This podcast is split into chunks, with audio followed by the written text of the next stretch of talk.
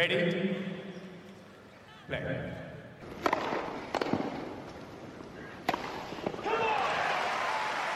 Merhabalar, Raket Servise hoş geldiniz. Ben Gökalp. Ben Anıl, merhaba. Evet, bu hafta hayırlısıyla toprak sezonunu açtık. Ayaklar kayıyor, çoraplar kirleniyor. 250'lik ufak turnuvalarla toprak sezonuna giriş yaptık. Medvedev e, ile yapıyorum sanırım kaydı. Çünkü kendi onun düşüncelerini dinliyorum gibi şu anda Gökalp. Ee, bunu Djokovic de paylaşmıştı. Hangisini kayla almak istersen. Çorapların kirlenme zamanı demişti kendisi. Bu hafta 4 turnuva oynandı. Haftalık gündemi konuşacağız. Bu turnuvalarda kimler neler yaptı. Ondan daha çok süreyi herhalde Monte Carlo'ya ayırabiliriz. Çok güzel bir kura var. Ondan da daha çok süreyi belki. E, çok güzel bir soru geldi bu hafta bize. E, tenise dair çekilecek, çekilmesini istediğimiz filmler, belgeseller. Onu konuşacağız özel bir konukla. Sonra da klasik bölümlerimize geçeceğiz. Anıl istiyorsan bu haftanın turnuvalarıyla başlayalım. Başlayalım. Evet, e, Charleston'da kadınlarla başlıyoruz. Charleston'da 500'lük bir turnuva oynanıyor. Danka Kovinic ve e, adı Veronika'ydı sanırım. Veronika Kudermetova finale yükseldiler. e, ve final karşılaşması 10 dakika sonra başlayacağı için şu anda şampiyon kim bilmiyoruz. Ama kim olursa olsun ilk şampiyonluğunu kazanmış olacak. Kudermetova ilk finalinde bu sene yükselmişti. E, bu ikinci finali. Kovinic ise İstanbul'da Çağla'ya finalde kaybettiğinden beri yükselememişti. 5 sene sonra ilk defa WTA seviyesinde finale yükseldi ve çok da güzel iş başardı. Finale yükselme yolunda Ons Jabeur, Petra Kvitova, Yulia Putintseva, Leyla Fernandez, Zhang Shuai gibi isimleri geçti. Çok iyi bir hafta gerçekten onun için. Darısı Çağla'nın başına diyelim o zaman. Aynen Darısı Çağla'nın başına. E, Kudermetova'da Sloane Stevens ve e, Ash Barty'yi yenen Paula Badosa'yı geçti. Onun yolu bir tık daha kolaydı Kovinic'e göre. Bakalım hangisi şampiyon olacak. Bogota'da 250'lik bir WTA turnuvası vardı. Onun için isimler daha düşük profilli. Ee, ama burada ilgi çekecek isimler vardı. Clara Towson gibi. 4 numaralı seri başıydı Towson. Hani o kadar düşük bir turnuva. Towson seri başı öyle düşünün. Elemel oynuyordu geçen aylarda WTA seviyesinde. O ilk turda elendi. Finale e, davetiye ile katılan Kolombiyalı isim Maria Camila Osorio. Karşısında da Tamara Zidanşek çıktı. Zidanşek Errani'yi eledi. E, o ikisinin kazananı da şampiyon olacak Bogota'da. Kadınlar bu şekilde. Ee, önümüzdeki hafta Charleston'da 250'lik bir turnuva olacak. Ondan sonra kadınlar artık tamamen Avrupa'ya geliyorlar Roland Garros yolunda. Yani karantina Erkekleri... kuralları ne olacak ben de merak ediyorum açıkçası Amerika'dan gelenler. Bogota'da Güney Amerika e, nerede nasıl hangi kurallarla seyahat edecekler gerçekten yine ilginç bir macera olabilir. Evet bu ilginç maceranın karşılayıcıları İstanbul ve Stuttgart olacak. WTA'nin bu duraklardan sonraki durakları İstanbul ve Stuttgart. Ee, artık onlar düşünecek. Bakalım oyuncular nasıl ayarlayacaklar planlarını. Yani Almanya'daki vaka sayıları da e, gerçekten evlere şenlik. Türkiye'dekiler e, tabii ki daha da yüksek ama Almanya'da günlük 25 bin vaka ile e, hani risk bölgesi esasında Fransa'nın kendisi zaten ayrı bir risk bölgesi. Hani oraya hiç girmiyorum daha ama e, Roland Garros'un yolu bayağı denetimlerden geçecek gibi. Aynen öyle. Erkeklerde zaten Avrupa'ya geçilmişti. Avrupa'ya dönüldü. Çünkü Yeşil Toprak'ta bir turnuva oynanmıyor. Bu hafta iki tane 250'lik turnuva oynandı. Ee, biri İtalya'da Sardinya. E, Lorenzo Sonego Laszlo Cerri'yi geçip şampiyon oldu ve 2006 Palermo'dan beri 15 senedir İtalya'da ATP turnuvası kazanan ilk İtalyan oldu. Bunu en son Filippo Volandri yapmış. Ee, ve az kalsın kaybediyordu. Ee, iyi geri döndü. Cere 6-2-7-6 götürmek üzereydi ki Sonego geri çevirdi ve maçı aldı. Ee, bu Sardinya turnuvasından baş, bakacağımız başka isimler var mı diye düşünüyorum. Muzetti oynadı burada. Ee, ve Laszlo Cere'ye kaybetti. Güzel çok bir maç da, kazanmıştı. Çok da etkileyici bir e, oyunu var yani Musetti'nin genç yaşta oyunu da geçen seneye göre epey gelişmiş yani hani ilk Roma'da adını duyduğumuzu varsayarsak geçen sene yani bu kadar kısa süre içerisinde özellikle e, backendlerinin seviyesi çok başka bir yere gelmiş gerçekten. E, yani gümbür gümbür geliyor Muzetti hani e, finale çıkamamış olsa da. Ben iki maçını izledim. Hem Cere maçını hem de e, Dan Evans maçını. E, yani dediğin gibi backhand çok acayip bir seviyede. Çok iyi top spin, çok iyi drive ve çok iyi slice vuruyor. Her şeyi yapabiliyor. Bence hatta bu biraz ona sıkıntı çıkarıyor sayılarda gibi hissettim. O kadar çok iyi seçeneği var ki hangisini vurayım onu biraz backhand'de yaşıyor gibi geldi. Ee, belki o bu sene önümüzdeki seneler biraz onu oturtmakla geçecek ama temel özellikle backhand tarafında ya forehand de tabii ki iyi ama backhand çok etkileyici gözüküyor bence de. E, bu turnuvada Taylor Fritz e, seri başının hakkını verip yarı finale çıktı. Toprakta kendisinden beklenmeyecek bir şey yaptı.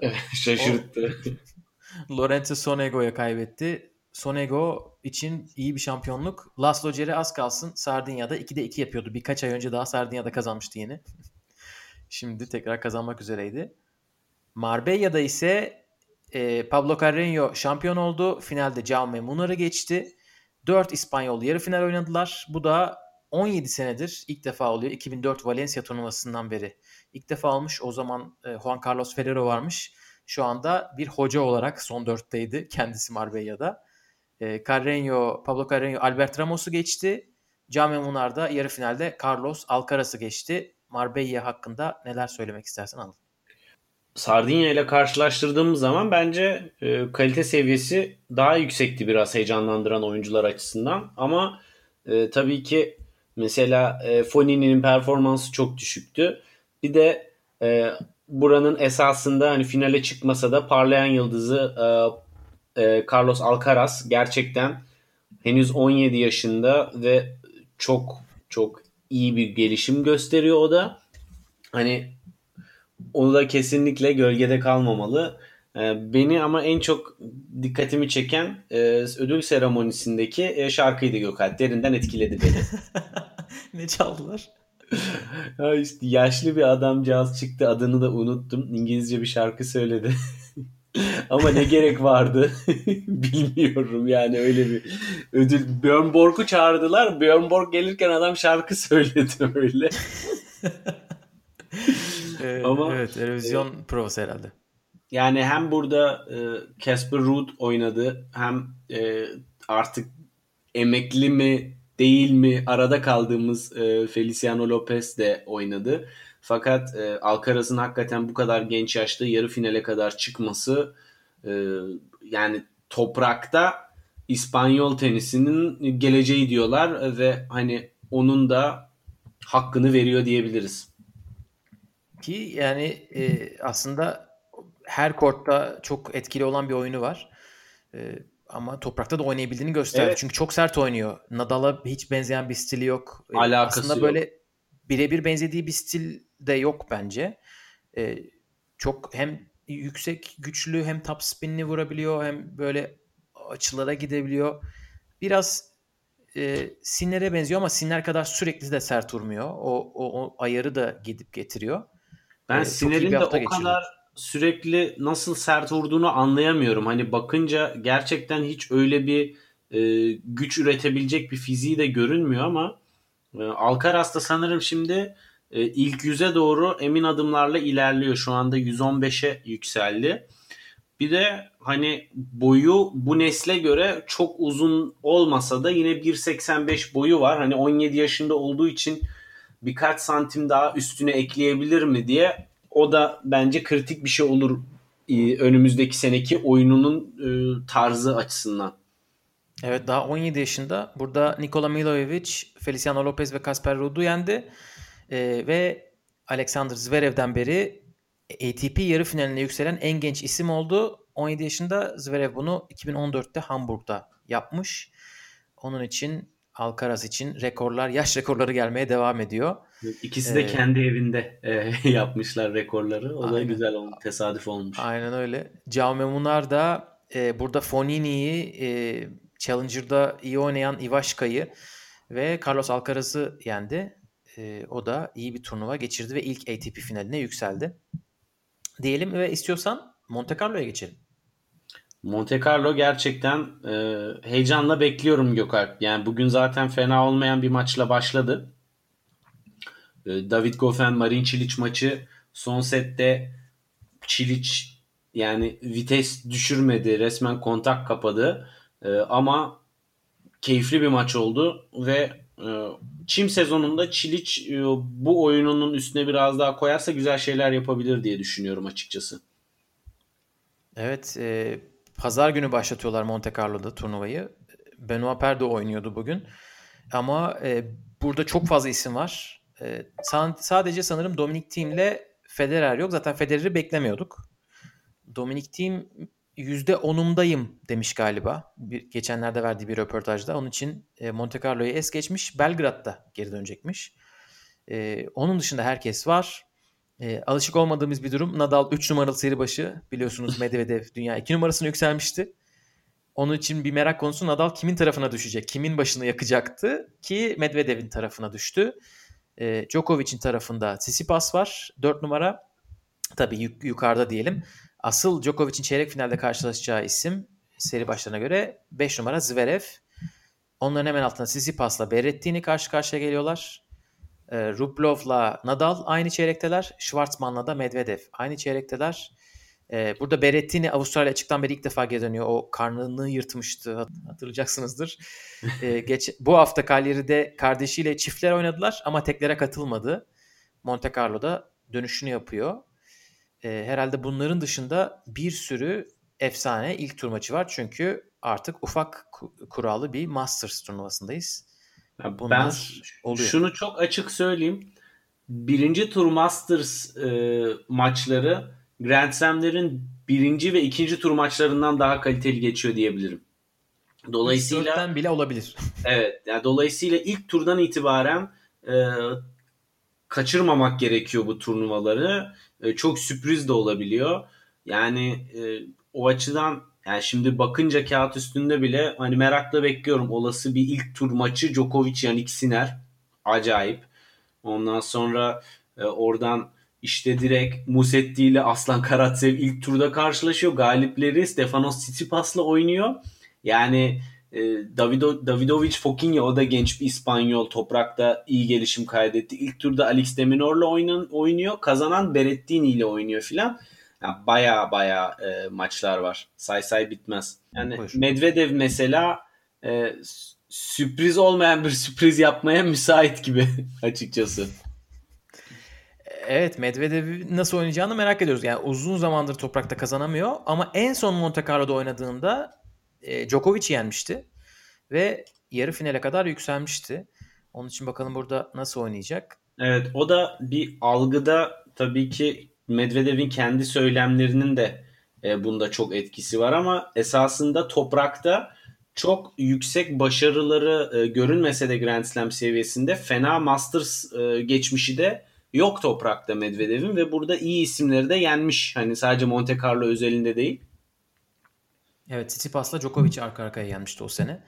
Ee, ama ondan sonra Barcelona'da da iyi oynayıp toprakta resmen şalteri indirmişti. Bakalım geri dönebilecek mi? Burada tabii çok iyi ilk tur maçları var ama siz bunu dinlediğinizde büyük ihtimalle çoğu sonuçlanmış olacak. Onun için biz evet. de heyecanla bekliyoruz diyelim. Holger Rune Kasper Ruud maçını da izlemek istiyorum. Hmm, bu da böyle iyi, toprakta iyi olabilecek bir maç. Kazanan Schwarzman'la oynayacak. Ee, burada benim ekleyeceğim bir şey var. Monte Carlo'da biz bunu birkaç bölüm önce de konuşmuştuk. İtalyanların yükselişini. Evet. Artık burada o kadar göz önüne çıktı ki bunu ayrıca belirteyim dedim. Ee, burada Muzetti davetiyle katılıyor. Ama Muzetti dışında e, 4 kişi daha var ana tabloda. 4 kişi de elemelerden geliyor. 9 tane İtalyan var e, Monte Carlo ana tablosunda. 9 ve e, normalde erkeklerde İspanyollar ve Fransızlar çok fazladır. Ki toprakta İspanyollara bakmamız lazım. E, 6 İspanyollar, 6 Fransız var. E, 9 İtalyan. Gerçekten İtalyanlar çok iyi bir seviyede ilerliyorlar. Bir de böyle orta çok yüksek kalite ortadaki böyle nasıl diyeyim 40-100 arası çok fazla isimleri var işte. Sonego bugün şu kupa kazandı. Onun dışında Caruso, e, bir sürü daha isim işte Thomas Fabianos'una kadar e, ana tabloya çıktılar. Onlar da birbirlerini yukarı itiyorlardır gibi geliyor bana.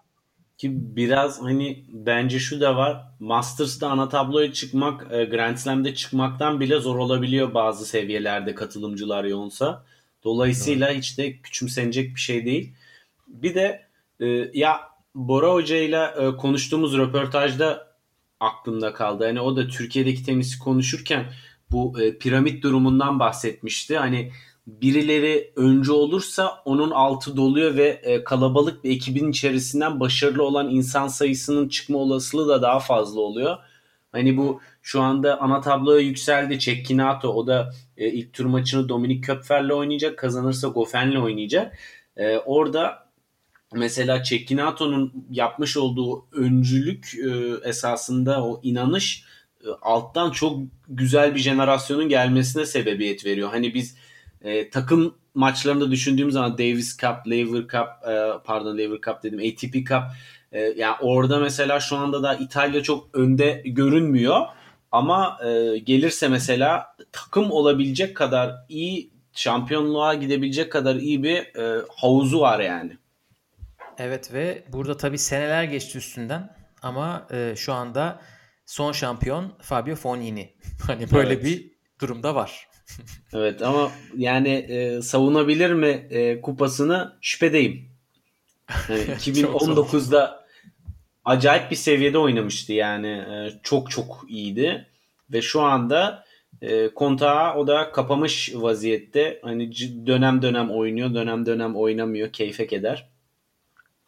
O da Evet bakalım Monte Carlo ne olacak? Evet. Merakla bekliyoruz. Vel Monfils çekildi bu arada. Onu da belirtmekte fayda var. O da sakatlığından ötürü e, katılmıyor turnuvaya. Ya, Amerika'da evlilik teklif etmeye git. Ondan sonra tabii karantina yaparsın arkadaşım sakatlık falan.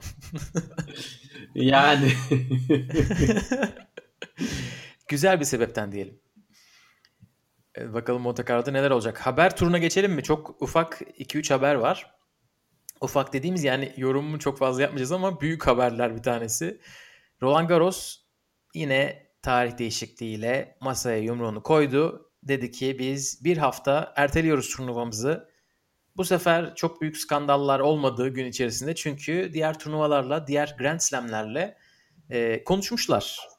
ATP ile konuşmuşlar mı bilmiyorum ama Grand Slam e, kuruluyla konuştuk diyor ve Grand Slam'lerde o gün gerçekten destekleyen açıklamalar yaptılar e, bir hafta sonra başlıyor. O etkilenen ATP WTA turnuvalarına dair bir açıklama yok bildiğim kadarıyla. Onlar Roland Garros'un ikinci haftası oynanacak bu ilk çim turnuvaları. Böyle bir karışık durum olacak yani, Roland Garros'ta.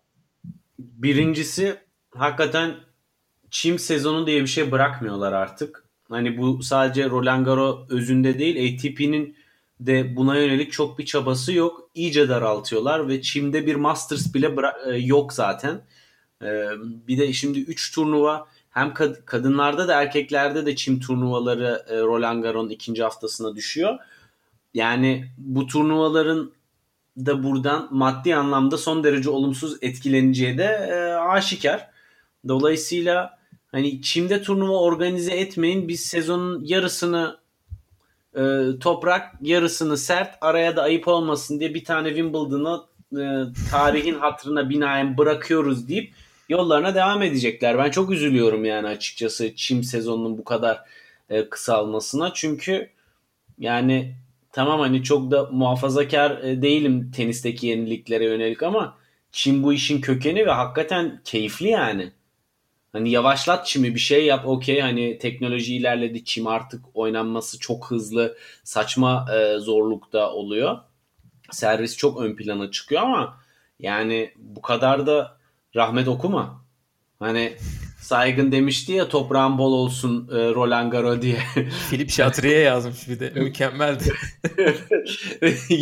Gitmiş yani esasında e, toprağı bol olsun diye çim sezonuna diyebiliriz. Hani. Aynen öyle. E, bu son anonsla beraber 30 Mayıs pazar günü başlayacak Roland Garros ilk tur maçları ve 13 Haziran e, pazarda da pazar günü erkekler finaliyle son bulacak. O zamana kadar tabii biz bol bol bölümle karşınızda olacağız merak etmeyin. Bir haberimiz e, Felix'ten geliyor. E, Felix Oje Aliasim koç takımına Tony Nadal'ı katmış. Koçlarından birisi Tony Nadal olacak. Heyecanla bekliyoruz. Tony Nadal'ın da tabii burada ilginç açıklamaları oluyor. Hani hep ön plana çıkarıyor. Ben işte e, Rafa ile maçları olursa kesinlikle taraf olmam. Hani ben hem Rafa'nın akademisindeyim hala hem yeğenim hem şöyle hem böyle diye. E, ilginç açıklamalar oluyor o taraftan. Bir de Rafa da bu konuda bir yorum e, yaptı. Bilmiyorum yakaladın mı onu da. O da şey dedi hani tura dönmesine seviniyorum. Onun adına mutluyum gibisinden hani e, ilk biliyorsun şey e, Tony Rafa'nın antrenörlüğünü bıraktığı zaman hani daha ailevi sebepler vesaire biraz ön plana çıkarılmıştı. Hani tura katılım biraz yorucu, e, zor diye. E, vazgeçmiş herhalde bu düşüncesinden anladığım kadarıyla. Sıkılmış. ya da toprakta olacağı için herhalde Avrupa sezonunda sadece baharda bir Felix'e takılıp belki de ondan sonra diğer koçlarına emanet edecektir. Yani işte umarım Felix de bu e, sertliğe e, karşı direniş gösterebilir. Ama psikolojik olarak e, katkısı olacağını düşünüyorum. Eğer ki Tony de e, sert kalırsa çünkü Felix'in finallerdeki kırılganlığı ve o kendi içindeki psikolojik mücadelesini yenmesine e, bence oyuna sunacağı katkıdan belki daha fazla oraya katkı sunabilir. Hani evet, Felix evet, de evet. Po- geleceği, potansiyeli çok çok yüksek bir oyuncu. Hani oyunu, kişisel olgunluğu vesaire çok üst düzeyde. Hani tenisin önümüzdeki 10 senesindeki en önemli isimlerden bir tanesi. Dolayısıyla evet. o tarz e, şeyleri e, bariyerleri kariyerinin başında aşması için çok faydalı olabilir. Evet bir de e, Tony Nadal da şey demiş zaten hani e, Felix'in hani saygılı çalışkan bir insan olduğunu biliyorum. Öyle bir öyle bir oyuncu profili olmasaydı ben de kabul etmezdim demiş. Herhalde heyecanlandıran taraf da biraz bu. Çünkü Tony Nadal'ın neler başardığını biliyoruz. Felix'in de nasıl bir insan olduğunu da biliyoruz. Hani bu e, mesela Zverev'den daha ayakları yere basan bir şey gibi geliyor bana karar alırken mesela.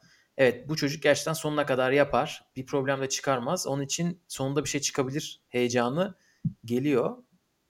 Bakalım ne olacak? Özellikle bu toprak sezonu çok yakın. Hani çok böyle kısa vadede neler olacak? E, merakla bekliyorum ben de. İstiyorsan Hale haberine geçelim. Yani e, belki de benim kişisel olarak en sevindiğim haber. Çünkü 2020'de almış ya 2019'da 2020 için almıştık biletleri. Ve hala erteleniyor mütemadiyen. Bu sene de seyircisiz oynanacak. Önümüzdeki Evladiyelik sene... bir bilet. Umarım torunumun torunu gidebilir hani maçlara. Ki buna sen de dahilsin. Hani beraber aldık ben diyorum ama bizim biletler. Ee, yani Federer 2022'ye katılması tabii ki sadece Hale için değil e, tur için de heyecan verici bir haber. Çünkü e, Hale'yi 2022'de oynayacak bir isim seneye Wimbledon'ı da oynayacak demektir. Bu açıdan. E, ama şu var hakikaten e, Federer'in Hale ile olan bağı e, diğer birçok turnuvanın üstünde. Hani şöyle söyleyeyim. E, Fed, Hale turnuvası sponsor bulmakta zorlanırken Noventi Open şu andaki adı ve o sponsorluğu ayarlayan bildiğim kadarıyla Federer. Böyle de bir e, şeyi var. E, bağı var turnuvayla. Turnuvanın sahibiyle vefat ettiği zaman da zaten çok e, hani direkt paylaşım da yaptı ve hatta çok çok yakın ve iyi ilişkileri varmış. E, dolayısıyla Hale'nin Federer'deki yeri ayrı. Dolayısıyla hani gittiği yere kadar Federer Hale'de hani sözleşmesinden bağımsız zaten oynamak isteyecektir. Öyle bir e, şeyi var. Manevi evet, bağı var turnuvayla. Anıl'ın tweetini kaçıranlar için bir haberi tam söyleyelim. E, Hale 2022'de e, Federer'in geleceğini duyurdu. 2021 seyircisiz oynanacağını söylerken ondan dolayı bir Federer evet 2022'de devam ediyor. Bizim için bir teyit haline geldi. Buradan geliyor bunlar. Kaçıran olduysa e, kendisini bekliyoruz 2022'de devam etmesini. Heyecanla. Umarım e, kortta e, tribünlerde bekliyor olabileceğiz. Bakalım hayırlısı. Diyelim ve istiyorsan biraz daha keyiflenelim. Bir film, belgesel, te- tenis konuşalım. Bence de artık biraz e, Özağ'ın güzel sorusunu açmanın vakti geldi. Evet bu kısımda çok ilginç bir konu konuşuyoruz. Çünkü Twitter'dan çok güzel bir soru geldi bize. E, tenis hikayeleri böyle filme çekilse, belgeseli yapılsa hangileri olur diye. Bu sefer sadece soruyu cevaplandırmakla kalmadık. Soruyu soranın kendisini de yayına getirdik. Özak hoş geldin. Hoş bulduk. Hoş geldin Özak. Hoş bulduk. Ee, artık böyle iki defa üst üste senin sorularını podcast'te konu yapınca dedik ki bedavaya olmaz bu seni alalım yayına çağıralım beraber konuşalım. Biraz da sen çalış dersine. Hep bize veriyorsun ödevleri. Vallahi çalışıp geldim ya. Az önce tam şey yayına girmeden Macaron'un filmini izliyordum. Lan kesin burada muhabbeti geçer. Şimdi cahil kalmayayım dedim. Vallahi iyi yapmışsın. Ya o, hakikaten yani yani onu da belirtmekte fayda var. Soru hani biraz filmi çekilecek olsa yani çekilmiş bir sürü güzel tenis filmi de var. Hani oradan tavsiye isteyenlere de verebiliriz ama bunlar çekilmemiş olanlar. Yani hani bula bula bunları mı buldunuz diye düşünmesin dinleyenler. E ben öyle bir garanti de vermeyeyim çünkü galiba benimkilerin bir tanesi çekilmiş ama emin de değilim. yani ya, iyi, bir daha çekilsin çekildiyse eğer. Hani öyle diyelim. Abi ona Çok katılıyorum. Çekilsin. Ben de bir araştırdım baktım mesela birazdan listeyi sayarken de konuşuruz zaten üzerinden ama bazıları çekilmiş ama ya Almanca hiç İngilizcesi veya diğer dillere şeyi yok, Hı. çevirisi yok. Ya işte ne bileyim şey çok eskiden çekilmiş ama iyi ifade edilememiş. O yüzden tekrar bir şans verilebilir bence. Yani daha önce çekilmiş olanlara da. O zaman senin listenle başlayalım sonra biz devam ederiz. Tamam. Nasıl isterseniz. O zaman başlıyorum listeme. Birinci e, tabii ki listemin bir numarasında Djokovic var. en sevdiğim tenis oyuncusu o olduğu için. Ama gerçekten de çok da etkilendiğim bir dönem. Yani tenise e, bağlandığım dönem diyebilirim. 2015-2016 arasındaki o 6 Grand Slam'de 5 şampiyonluk e, artı bir de üzerine finalde kaybedişi. O dönem çok enteresan bir dominasyon dönemi Djokovic'in. Yani neden özellikle hani sonuçta Federer'in Nadal'ın da çok özel dönemleri var aslında belli yıllarda, belli periyotlarda. Onu daha özel kılan bir numaraya koymamı sağlayan şey şu. O dönemde Nadal da Federer de bence çok iyiydi. Ona rağmen Djokovic çok büyük bir dominasyon sağladı.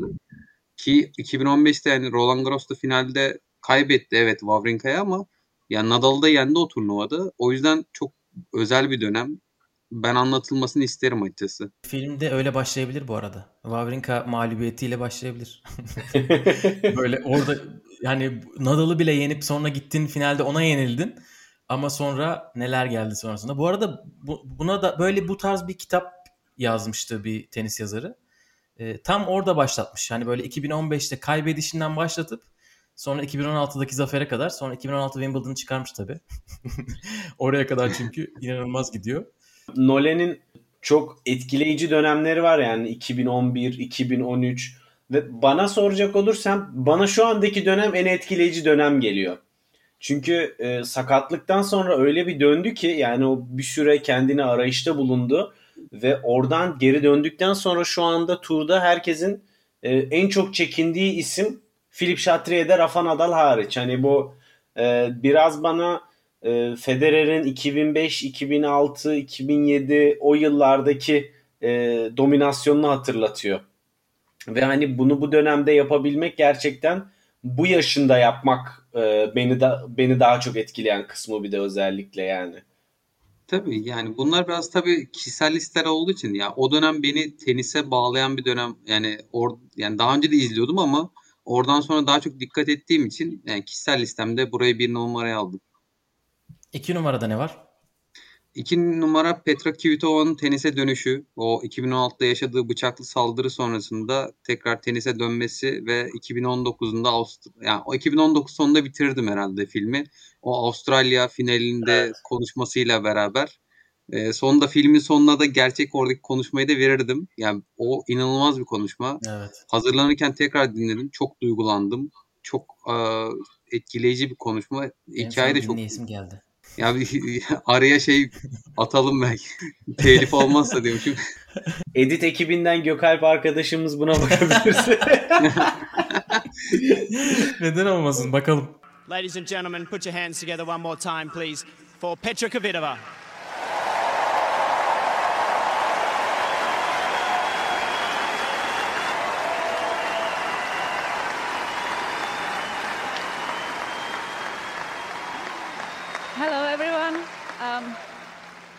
It's crazy. I can only believe that I just played final of the Grand Slam again. So, um,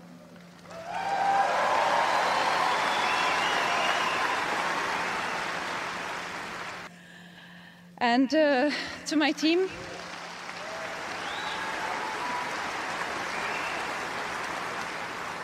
Um, thank you for everything, but um, mostly um, thank you for sticking with me, um, even we didn't know if I if I would able to hold the racket again. Um,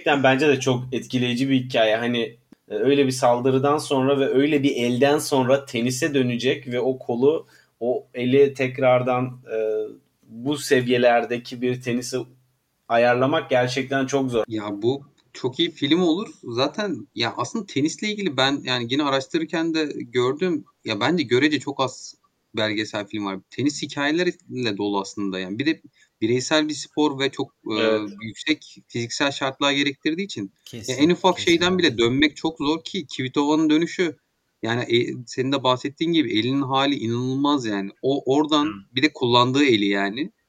E, Tabii. oradan dönüşü inanılmaz yani. 3 numarana geçelim. 3 numaramda Steffi Graf. e, The Invisible. e, yenilmez. E, o 1988'deki 4 Grand Slam artı olimpiyat madalyası sezonu. Yani 4 Grand Slam'i daha önce yani bir senede içerisinde 4 Grand Slam'i kadınlar daha önce de yapan olmuş ama yani açık döneminde herhalde siz daha iyi bilirsiniz. Yanlış söylemiş olmayayım. E, bir tek Steffi Graf var. Değil mi? Margaret Court var bir de 70 yılında. Ha, o Steffi yine Graf- tabii. Aynen. Ama böyle modern dönem diyelim. Biraz daha günümüze yakın. Aynen. günümüz Modern dönemde başka o var. Ya Golden Slam deniyor zaten buna hani aynı Aynen. seninki. Futbolla alakası olanlara Arsenal'in o yenilmez sezonuyla ben Evet. çok bağdaştırıyorum bunu. Hiç yenilmeden şampiyon oldukları, Premier Lig şampiyonu oldukları sezonla. Punto'daki Elif'in yazısı da çok güzeldi. Ben de ona tam atıfta bulunacaktım. Sen erken davrandın bana. Göre 2 Nisan'daki yazısı çok güzeldi Elif'in. Eline sağlık gerçekten. Ee, yani bu o hikayenin içerisinde bir de Steffi Graf hikayesinin içinde Monica Seles de var. Hani yani o Tabii. Bu talihsiz kazayı da yani kaza demeyeyim o olayı da saldırıyı da bahsedilirse yani bu bir gün kesin film olur şey olur ama film belgesel bir şey olur ama e, ne zaman olacak merakla bekliyorum ben de. Ee, sıradakine geçelim. 4 numarada ne var? E, bu sefer Ro- Roger Federer'e e, gittim 4 numarada. 2004 ile 2008 arasında özellikle değinmek istiyorum. Ya o dönem işte 16 Grand Slam'in 11'ini kazanıyor.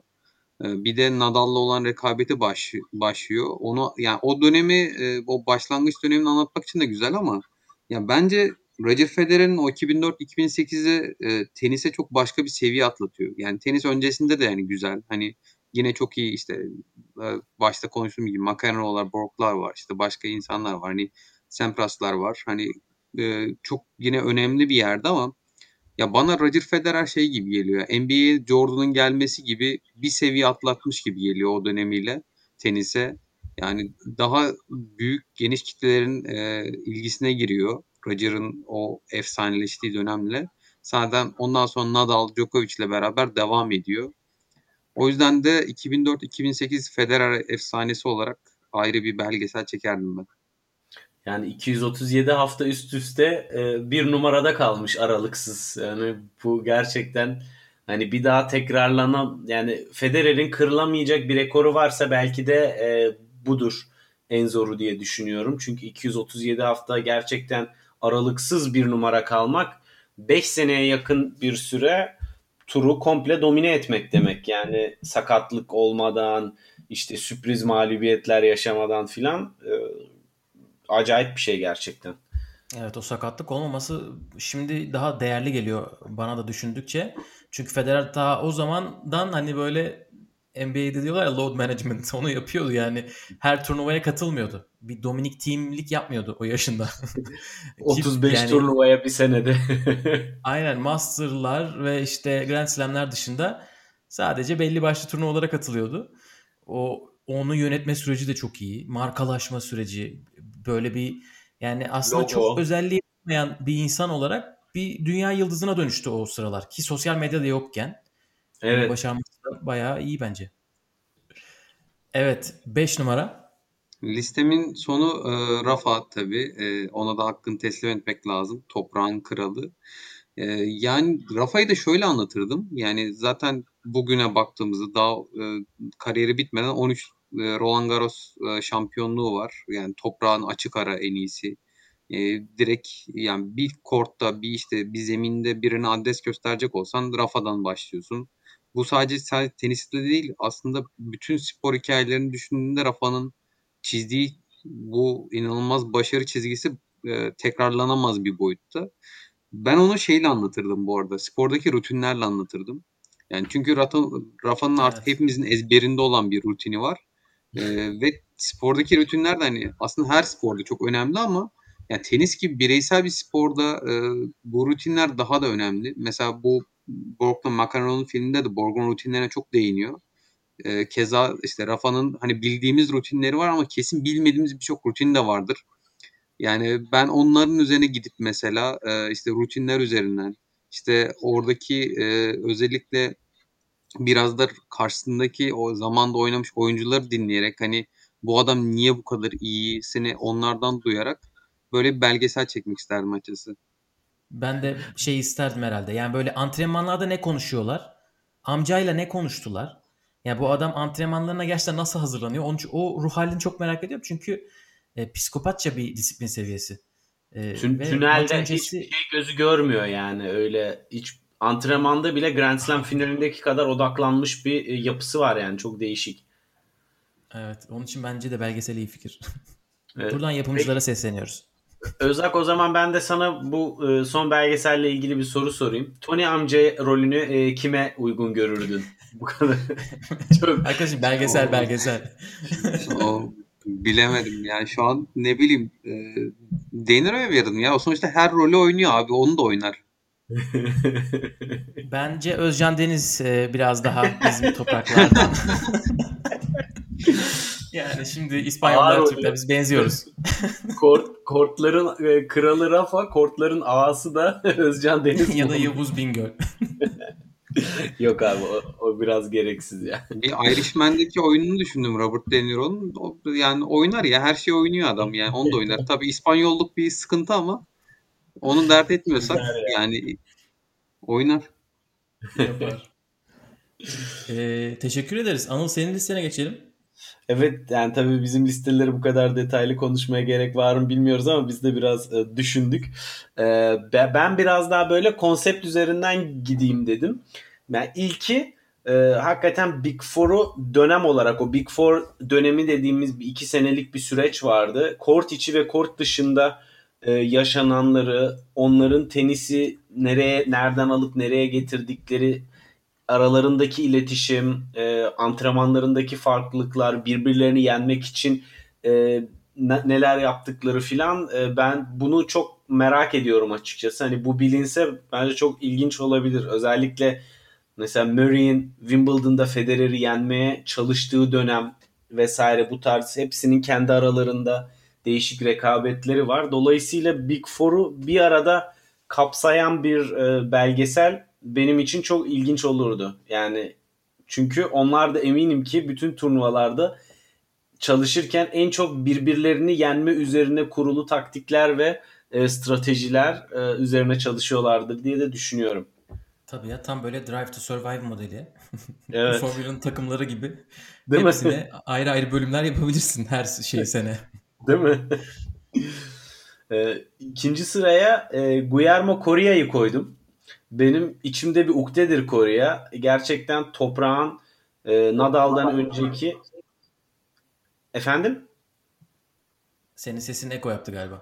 Ha tamam o zaman e, Correa Nadal'dan önce toprakta tam böyle inanılmaz e, bir oyuncu geliyor derken e, Nadal'la beraber aslında toprakta çekişebilecekleri bir seviye varken ortada işte o Gaston Gaudio'ya kaybettiği e, sakatlık sonrası final ve e, o sakatlıktan toparlanma evresi psikolojik olarak yaşadığı sıkıntılar ve çok erken yaşta kariyerinde pes etmesi e, bence çok ilginç bir hikaye. O geri dönmeye çalışması ve yaşadığı psikolojik buhranlar belki de bir tenisçinin e, ne kadar zorluklarla e, turda devam ettiğini çünkü bağımsız olduğunu arkasında e, her ay maaşını ödeyen bir kulüp olmadığı için çok daha farklı stresler de olduğu için o seviyede e, bence çok ilginç bir çalışma çıkabilirdi oradan. Bu biraz karamsar olur. Bu film Evet. biraz e, sanat filmi olabilir.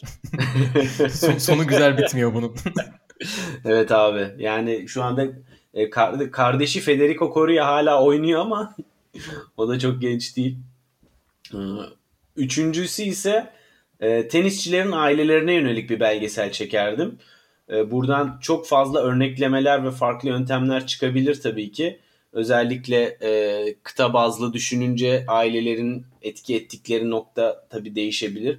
Fakat e, takım sporlarındaki gibi bir kulübe götürüp kulübün bütün sorumlulukları üstlendiği yani kulüplerin çok e, etkin olduğu bir dönemden ziyade e, ailelerin çok büyük fedakarlıkları, yönlendirmeleri, erken yaşta e, fark etmeleri, işte maddi manevi altına girdikleri yükümlülükler bence e, teniste çok çok daha önemli bir rol oynuyor takım sporlarına göre.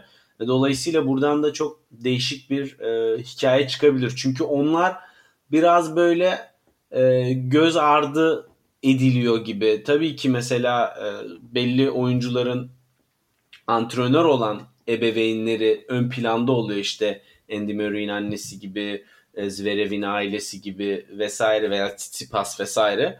Ama böyle göz önünde olmayan fakat e, kariyeri esasını oluşturan en temel yapı taşı teniste ailelerin yönlendirmesi ve kararlılıkları. Çünkü çok erken yaşta başlanıyor. E, dördüncüsü ise çıkar ya. değil mi? E, çünkü sen iyilere değindin. Buradan çok fazla kötü hikaye de çıkar. Tabii her şey olur. Yani Evet. erken yaşta kararan kariyerler de olabilir. Çocukta potansiyel var ama aile hayır okuyacaksın diyor. Baba, ÖSS babasına uzaklaştırma getirmiş tenisçiler de olabilir. Sen Anadolu Lisesi'ni kazandın artık tenise devam edemezsin falan. Ya çok daha karan- karanlıkları da var tabii de. E, Tabii. Ama iyi, iyilere odaklanmak herhalde daha iyi. Dördüncüsü ise bence hani böyle bir dizi belgesel gibi comeback'ler üzerine kurulu bence ilginç bir konsept olabilir. Çünkü e, ağır sakatlıklardan sonra maddi manevi geri dönmek çok büyük efor gerektiriyor. Hani hem Djokovic'in hem şu anda e, Fede- Federer'in 2017 geri dönüşü, Murray'in geri dönüşü, e, işte Brian kardeşlerin e, yaşadıkları. Hani bunlar sadece erkeklerde ilk böyle e, aklıma gelenler. Dolayısıyla buradan da çok zorlu bir maceranın hani sonu açık olan, mutlu olan, mutlu olmayanları da var tabii ki. Hikayeler çıkabilir. Deyip böyle konsept bazlı bir benim de fikirlerim oldu.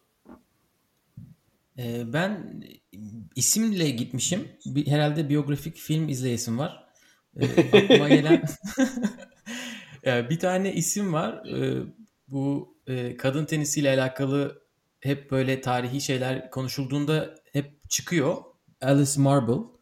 Ee, sanırım 40'larda mıydı? Yani 40'lı yıllarda böyle Wimbledon kazanıp Amerika açığı böyle 4 defa falan kazanmış. Ama asıl şu anda konuşulma sebebi işte tenisteki ırk bariyerini aşmaya ayak olan isimlerden birisi olması. İşte Althea Gibson'ın oynaması için e, bir mektup yazıyor. E, bütün herkesi böyle şey yapıyor yani. Utanın kendinizden tarzında bir şey yazıyor. E, bununla da kalmıyor. Sonra sanırım tenisten sonra bir film yıldızına dönüşüyor.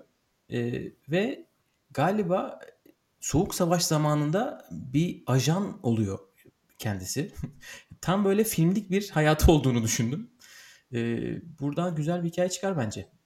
Hem İşin- şampiyonluk var, hem ajanlık var. Her şey var. Hem ırk, ırkçılığa karşı mücadele var. Bayağı sağlam bir hikayesi varmış. Ben e, tanımıyordum açıkçası bu kadar ben de detaylı. bilmiyordum hiç. Ben de sadece o ırkçılığa karşı olan tarafını biliyordum. Şimdi araştırdıkça değişik değişik şeyler çıkıyor. E, ikinci isim Jennifer Capriati. E, bu kıza ne oldu çok merak ediyorum. Evet. Gerçekten sadece bu sorunun cevabını almak için bu filmi izlemek istiyorum. o 13 yaşında maçlar oynuyor, finallere yükseliyor. 15 yaşında Grand Slam yarı finalleri.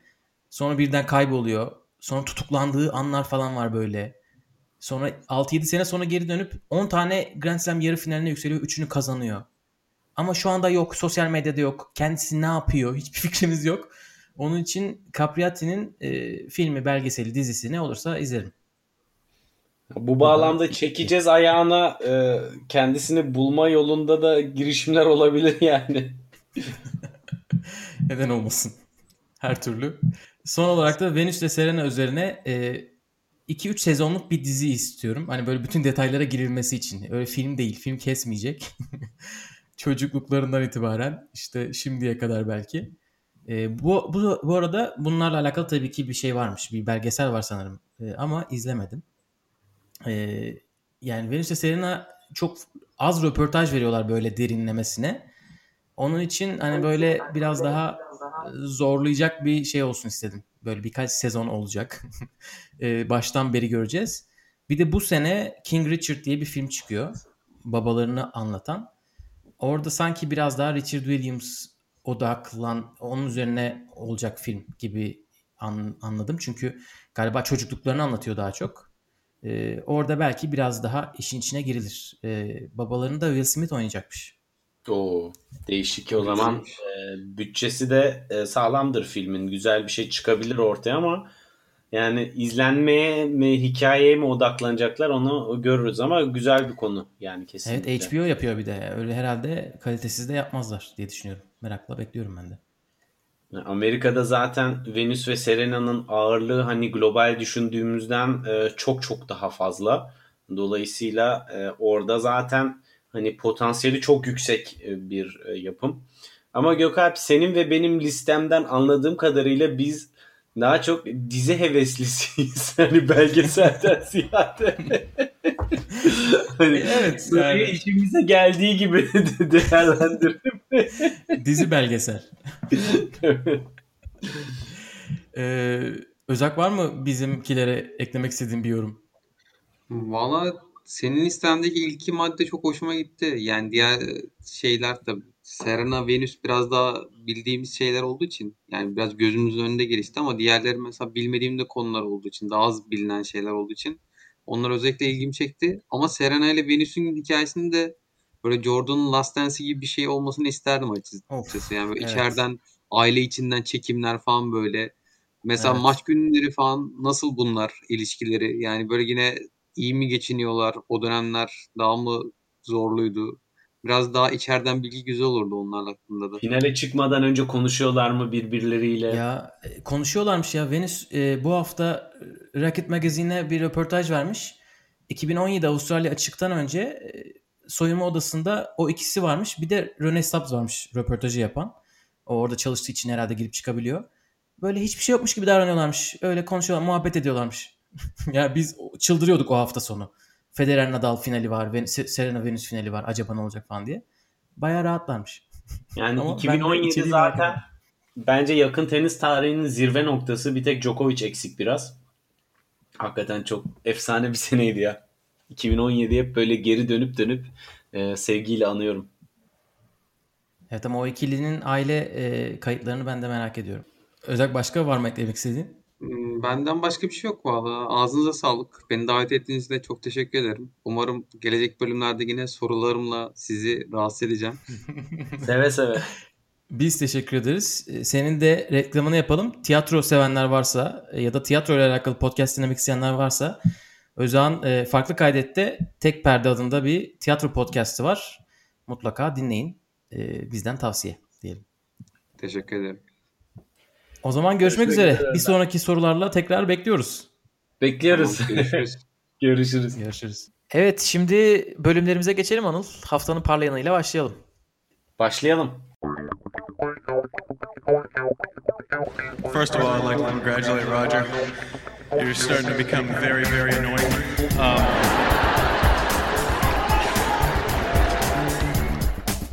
Haftanın parlayanında evet biraz daha konuşalım dediğimiz ya da bu ismi konuşmadık bu isim bu hafta çok iyiydi dediğimiz isimleri konuşuyoruz. Anıl WTA'den kimi getirdin? Ee, biraz ilginç bir isim olabilir ama Sloane Stevens diyorum ben. Hani uzun süre sonra ilk defa belki e, adam akıllı tenis oynadığı için. Çünkü hani bu haftanın en parlak isimlerinden biri değil ama kendisi adına seviye atlayabildiği uzun süre sonra ilk turnuva oldu. Tabii çok ilerleyemedi ama yine de tenisi biraz daha iyi seviyede. Umarım toprak sezonuna e, güzel bir momentumla başlar yani. Roland Garros'da eskiden çok güzel işler yapmış bir isim kendisi. Ya abartmıyorum şöyle bir tweet atacaktım. Eğer bir maç daha kazansa e, Sloane Stevens arka arkaya 3 maç kazandı. Roland Garros favorilerine yazabilir miyiz diyecektim. Çünkü kendisi kazandı mı kazanıyor. E, aynen öyle. Bir başladı mı devam ediyor. Ve e, dediğini senin şöyle bir istatistikle hemen destekleyeyim bulabilirsem. Evet. E, arka arkaya ilk yüzden oynadığı oyunculara karşı tam 12 maç kaybetmiş Sloane Stevens. İlk 100 hani ilk 10 falan demiyoruz. İlk 100. İlk defa e, 29 Eylül 2019'dan beri ilk yüze karşı bir maç kazanmış. O da Madison Keys. Bakalım devamı Yani- gelecek mi? Benim parlayanımın istatistiğini bile senin tutman Gökay. Bu nasıl bir e, çalışkanlıktır? Yani haberim de yok. Her seferi için söz veremem. Bu elimin altında vardı. ATP'de kimi seçtin? ATP'de Jaume Munar diyorum. Uzun süredir çıkış bekliyorduk. E, bu turnuva özelinde... Hele ben. Efendim? Hele ben. Yani o Next Gen'de 2018 2017 2018. Next Gen'i miydi? 18 olması lazım. 2000 2018 Next Gen'inden beri kurudu Gökalp ve nihayet bir final gördü. Ama tabii ki hala e, vuruş hızları hani biz kendi aramızda da konuşuyoruz seninle. E, toprak sezonu haricinde e, üst düzeyi yakalayabilecek seviyede değil. E, o noktada hala ilerlemesi gerekiyor. Fakat hani oyun kalitesi açısından e, ilk defa bu kadar özgüvenini yükseltecek maçlar kazandı ve e, finali bana sorarsan çok kıl payı e, kaçırdı ki çok iyi geri döndü. Yani maça kötü başladı, ilk seti kaybetti, ikinci sette e, güzel bir oyun ele geçirdi filan. E, son sette ilk break'te geriye düştü ve oradan ama kopmadı. Bu da en azından e, mental eşik açısından e, önemli bir gelişme. Dolayısıyla en azından toprak sezonu için e, güzel işler yapabilir. Fakat ilk 20 seviyesine bence hala uzak. Ee, ATP'de ben de Munar, Munar dedim. Haftanın parlayanı için. Ee, evet. Şaşırttı beni. Çünkü ben Alcaraz'a yenilmesini bekliyordum açıkçası. Alcaraz o kadar iyi oynamıştı ki önceki maçlarında. Ee, hem o maçta çok iyi oynadı hem bugün dediğin gibi ilk seti kötü kaybettikten sonra bırakmadı. Ee, iyi kazandı. Üçüncü set 4-4'te bayağı gidiyordu yani maç hani onun tarafına doğru. Ama e, ilk ATP finali için bence çok iyi performans. Bir sürü insana şey diyoruz yani bir sürü oyuncuya ilk finali evet olabilir deyip Evet. 6-2, 6-4'lük bir maçı okey diyoruz. Ama çok daha fazla savaştı. Bir de atmosfer de iyiydi tabii. Seyirci olunca biraz seyirci de böyle geri dönüşlere ne kadar hani böyle katkı sağlayabildiğini görmüş olduk gibi geldi bana. Çok nadir bir turnuva haline geldi bu Marbella seyirci olduğu için. Munar da burada parladı. Ee, Türkiye'de de bir şeyler kazanmıştı galiba bu sene. Antalya'yı kazandı mı yanlış hatırlamıyorsam. Ama adım adım e, geliyor. Bakalım o bir sonraki seviyeye geçebilecek mi? Dediğin gibi o bir sonraki seviye için biraz daha yolu var gibi. Bakalım neler yapacak. Ee, ben WTA'de iki isim arasında kaldım. Bir tanesi açıkçası çok bilmediğim bir isimdi. Bu hafta e, kazara bir maçını izledim. Armonitan e, Fransız isim. E, Kolombiya'da sanırım çeyrek finale yükseldi. İlk 200'ün dışındaydı. Hatta 250'nin dışındaydı. E, bu sene bir 60K kazandı. E, burada bir de elemelerden gelip maçlar kazanınca e, bu bir radarıma girdi. Hani haftanın parlayan olmasa da e, parlayan için ama direkt Kovinic'i koydum. O en başta saydığım galibiyetler e, çok etkiledi. E, Kvitova'sından Jabör'üne bakalım bugün finalde neler yapacak. Evet İstersen... yani özellikle böyle uzak turnuvalar e, düşük sıralamalar için puan açısından çok güzel fırsatlar oluyor. Bu da puanlama sisteminin adilliğini biraz da sorgulatıyor bana ama e, tabii ki bunları stratejik olarak değerlendirmek çok önemli. Hani buradan şey geliyor aklıma. Avustralya'ya gitmeyip puanları patır patır toplayan e, Korda geliyor mesela. Hani bunlar e, taktiksel olarak yapılabilir işler. Dolayısıyla o da buradan güzel faydalanmış. Bakalım bu momentumla ve sıralama avantajıyla başka turnuvalarda da görebilecek miyiz? O zaman sen neden böylesine geçelim? Sasha Zverev again, man. Again, again. How selfish can you be? How selfish can you be? Evet, sen neden böylesinde yakındığımız e, konuları konuşuyoruz. İsim olabilir, turnuva olabilir, herhangi bir şey olabilir. Anıl, kime söylüyorsun bunu? Yani şu 5 dakika öncesine kadar aklımdaki isim Fabio Fonini'ydi. Dengesiz sonuçlarından dolayı. Ee, ve hala ona da sen neden böylesin diyorum. Ama onun bir tık üstünü e, bana yazdıran şu anda söyleten e, Benoit Per. Maçtan sonra maçı kazandıktan sonra maç umurumda değil. Niye tenis oynuyorum ki? E, bunlar artık çok saçma filan tarzı açıklamalarla hatta Yine mi? yani e, yani tenis sporunu komple e, sorgulamış beyefendi. Hani dürüst olmak gerekirse bu maç umurumda bile değil. Böyle bir mezarlıkta oy Ha, e, pardon kaybetti. Evet doğru. Ha, ben de kazandıktan sonra da mı bunu söylüyorum? Yok e, pardon dilim sürçtü pardon. Bu Böyle arada çok yakın kaybetmiş. Ha. Üçüncü set tiebreak'te 7-5 kaybetmiş. Ve e, hani şey demiş böyle bir mezarlıkta oynamak artık mümkün değil. Tüm oyuncular böyle düşünüyor. Belki de bunu söyleyen bir tek benim. Tenis artık bana iyi bir şey getirmiyor. İçimde artık kıvılcım yok. Yani zorla bağlamıyoruz arkadaşı korta.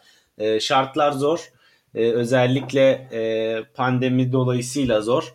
Ama yani hani dünya çalkalanıyor. Sen niye böyle e, sadece kendini düşünüyorsun deyip sen neden böylesin diyorum. Kendilerini psikologlara, Fransız psikologlarına emanet ediyoruz. Valla işte. Fransız psikologları da çözebilir mi bilmiyorum açıkçası. Fransa'nın genel durumunu inceleyince orada bayağı ülkece sıkıntı dolar. Evet Fransızlar ve ülkece demişken ben benim sen böyle neden böylesin diyeceğim e, isim Roland Garros. Evet e, yine yine kendi yine isimlerini konuşturdular. Dediler ki biz bu tarihi beğenmedik bir hafta erteliyoruz bu sefer. Neden bir hafta ertelediklerini anlamadım ben. E, ne işe yaradı? Hani bir haftada kırmızıdan yeşile geçiyor ülkede seyirci mi alınacak illa? Çünkü maksimum sayıda seyirciyi alabilmek için bunu yapıyoruz gibi bir şey söylemişler. Evet. E, seyircinin Ciro'da bu kadar payı var mı? Ben olduğunu sanmıyorum. Çünkü %100 alamayacaklar seyirciyi. Az bir seyirci alabilecekler. Ki insanlar büyük ihtimalle Fransızlar ya da çok büyük isimlerin dışındaki maçlara da gitmeyecek. Çünkü e, pandeminin içerisindeyiz. E, yani en azından Ekim ayında böyle oldu. Yani çok dop dolu değildi e, Philip Chatrier. Bilet fiyatlarına bakar Gökhan. Miami biliyorsun şişirdi fiyatları az seyirci geliyor diye. Baya e, hakikaten küfür gibi fiyatlarla bilet sattılar. Hani kim aldı, ne kadar aldı, kaça aldı bilemiyorum ama e, hani o da tabii ki bir şey olabilir. Fakat seyirciyle oynama çabası hani hükümetin, devletin bu konuda destek vermesi de bana çok saçma geliyor ama bir Fransız şirketinde çalıştığım için hiç de şaşırmıyorum. Ben şuna şaşırıyorum. E, bir aylık bir ertelemeyi böyle bir hani açıklamayla şey yapabil izah edebilirsiniz hani. Ama bir hafta, yedi günden bahsediyoruz. Evet. ya o biraz değişecek? şeyle ülkece bir lockdown kuralları var bunların şu anda. Baya çıkamıyorsun evden yani hemen evet. hemen. Ee, onu aşmak için esasında Ama onun son Hani tarihi de yok bildiğim kadarıyla. Bir sonraki Emre kadar diyorlar. Evet. Hani Mayıs ortası gibi demişler ama kesin bir tarih de yok ki orijinal tarih Mayıs ortasıydı aslında. Elemeler Valla iki hafta sonra tekrar iptal ederlerse turnuvayı Ekim ayına Evet. alırlarsa hiç şaşırma. hiç şaşırmayız. Tekrar burada konuşuruz bu bölümde konuşuruz Roland Garros'u. Bakalım neler olacak. İstersen ha bu arada tabii bunu söylememin asıl sebebi 3 tane 4 tane çok e, hani böyle ufak turnuvayı etkiliyor. E, ufak turnuvaların tabii ki böyle şeylerden etkilenme oranı çok daha yüksek. E, onu zaten bir önce de konuştuk. O çim turnuvaları ne yapacaklar bakalım. E, Ertelemeleri de çok zor çünkü çim sezonu senin söylediğin gibi çok kısa. E, bu turnuvaları biraz yaktı gibi geliyor bana. O içinde Stuttgart var. Sanırım Hertogenbosch var. E, Nottingham var. İngiltere'den de Nottingham olması lazım. Hani bu turnuvalar bakalım ne yapacaklar. Roland Garros yaptı yine yapacağını diyelim. Ve istersen bu nasıl istatistiğe geçelim?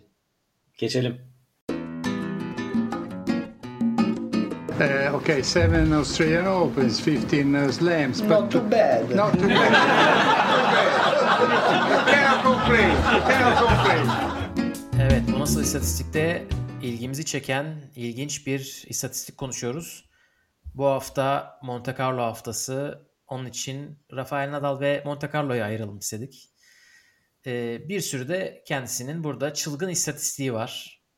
Burada bir Masters turnuvasında en çok maç kazanan oyuncu Nadal ve bunu Monte Carlo'da yapmış 71 maçla. Arkasından Federer geliyor 66 ile Indian Wells. Bir Masters turnuvasında en çok kazanan oyuncu Nadal 11 kez Monte Carlo'yu kazanmış. Arkasından kendisi geliyor Roma 9. Onun arkasından Federer 7 Cincinnati. Ee, buranın Monte Carlo'nun en genç ikinci şampiyonu olmuş. 2005'te 18 yaşında. Michael Chang de 18 yaşında e, bir şampiyonluğu var. E, Masters seviyesinde son 16'ya kalan en genç oyuncu olmuş Nadal tarihte. 2003'te Monte Carlo'da. Ve bir tane rekoru var elinde olmayan. O da en yaşlı kazanan rekoru. Fonini de bu rekor. 2019 yılında 31 yaşta bu rekoru Fonini almış. Bu hafta kazanırsa bilin bakalım Nadal neyi alıyor? Bunu da alıyor. Evet her şeyi. Monte Carlo'ya dair ne varsa silip süpürmeye geldi diyebiliriz. Hani şey 10. Roland Garros kupasını aldığında orijinal boyutta kupayı vermişlerdi ya Monte Carlo da bu rekoru da alırsa herhalde komple kulübü üstüne yapsa, yaparlarsa şaşırmamak gerekiyor gerçekten. Direkt kasinonun anahtarını versinler. Hiç uzatmasınlar. Sarayın Yani- falan anahtarını versinler. Hani Monte Carlo özelinde değil belki ama toprak özelinde artık toprak sezonu değil de Nadal sezonu desek yeridir. Çünkü hani bu kadar e, rekorlara sahip olduğu başka kortlar ve başka turnuvalar da var. Gerçekten normal değil. Evet Monte Carlo bunun zirve yaptığı yer. Bakalım bu hafta nasıl oynayacak Rafa diyelim ve de kort dışına geçip bitirelim istersen. What happened in Monte Carlo happened, and what happened in Barcelona happened, what happened in Madrid happened, and here we are. We are in Rome. Evet kort dışında kort dışına çıkıyoruz. Biraz magazin, biraz e, maç dışı şeyler. Anıl sözü sana bırakıyorum. hafif polemikler. Burada e, e, Sırp e, bir basın muhabiri var. E, Twitter'da takip etmiyorsanız Sasha Ozmo. O da direkt tabii Rafa'ya Djokovic ile ilgili soru soruyor ve bir numara rekoru ile ilgili. E, Ra- Rafa da diyor ki Big Three e, dönemi işte döneminde birçok rekor kırıldı. Hani bunu da Novak kırdı. Aferin ona. Tebrik ederim. Hani tenis tarihi için ne olabilir? Bilmiyorum. Başka kırılmış bir rekor. İyi iş çıkardı gibisinden. Hani e, çok da böyle e, olayın e, seviyesini biraz da normalleştiren bir açıklamaydı. Hani bu da bana biraz ilginç geldi açıkçası. Ben Ee, bunu on- video var, vara gitmek istiyorum. Ben bunu videosunu görmek istiyorum.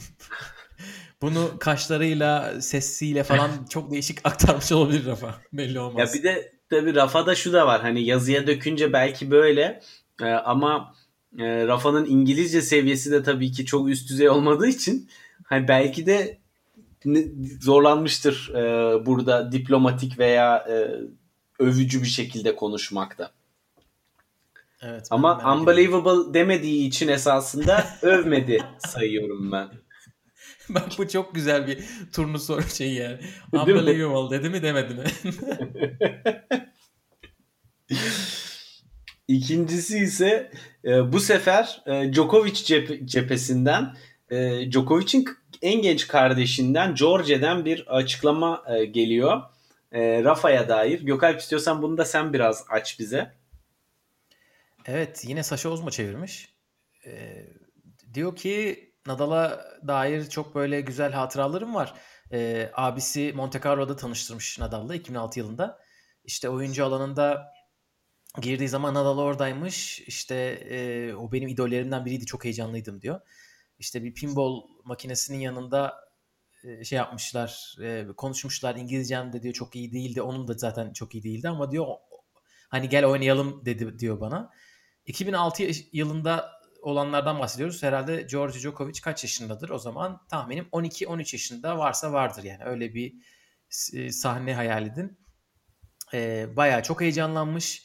E, sanırım George Djokovic kazanıyor. Ondan sonra e, Nadal makineye vuruyor. Böyle gülerek sonra da böyle sarılmış falan. Ondan sonra diyor e, her seferinde bunu konuşuyorlarmış. E, ya da pardon her seferinde konuşuyorlarmış her birbirlerini gördüklerinde. Gerçekten çok iyi bir insan diyor George Djokovic. Nadal için. Adamın E, gol diyor. herhalde- Demek istiyorum burada. Aynen. Ee, burada şeyde de okuyabilirdim. Çok iyi bir insan diyor Rafa için. Belgrad açığın e, turnuva direktörü George Djokovic. Acaba bu bir davetiye mi? Yani Belli olmaz. e, Belgrad açık hani 650 bin dolar sanırım toplam para ödülü var. ATP 250 seviyesi için en yüksek e, turnuvalardan bir tanesi. ATP 500'ü hedefliyorlar ve illaki e, oraya bir yol yapmak istiyordur. Çünkü ATP 500 seviyesinde e, çok tabii muazzam bir etkileşim olur. Hem Nadal hem Djokovic katılırsa. Bütün Balkanlar e, Belgrad'a akar direkt. Zaten team var. Djokovic Team var. var evet. Onun için çok büyük bir tablo olur. Ama tabii ki e, Nadal'la Djokovic'in bir arada oynamasının etkisi e, turnuva özelinde çok daha yüksek olur. Hani sıralamadan bağımsız isim olarak düşününce. Tabii ki tabii ki tabii ki. Evet, üçüncü haberde Yelena Yankovic eski e, tenisçilerimizden. O da doğum yaptı, anne oldu. Onu tebrik edelim. Ve son olarak da çok mutluluk verici bir haber var. E, kanser tedavisi gören e, Carla Suarez Navarro antrenmanlara başladı geri. Hani bu gerçekten çok e, kısa bir süre içerisinde e, atlattı. Fiziksel olarak, mental olarak iyi duruma geldi ve tenis oynayacak, antrenman yapacak seviyeye geri geldi.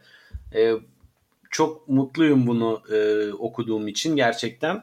Hani bunlar çok güzel e, başarı hikayeleri çünkü e, öyle bir hastalıktan e, tekrar buralara geri gelmek adeta hani Özağ'ın sorusuna gönderme yapacak olursak belgeseli çekilir. Öyle bir durum. Evet 2020'nin başında 2020'nin hani e, veda senesi, jübile senesi olacağını açıklamıştı Carlos Suarez. Sonra üstüne pandemi, ondan üst- ondan sonra bir de kanser e, olduğu ortaya çıkınca işler bambaşka bir yere gitti. Ama onu her gördüğümüzde sosyal medyada gerçekten çok pozitif yani hani biri atlatacaktıysa oydu E, ve şu anda antrenmana çıkacak olması gerçekten çok çok büyük iş. Helal olsun. İnşallah bir an önce kortlarda görürüz diyorum ben de. Evet bir sonraki bölüme kadar bizden şimdi bu kadar. Herhalde Monte Carlo'yu konuşacağız bundan sonraki bölümde. Şimdilik e, kendinize iyi bakın. Hoşçakalın. Hoşçakalın.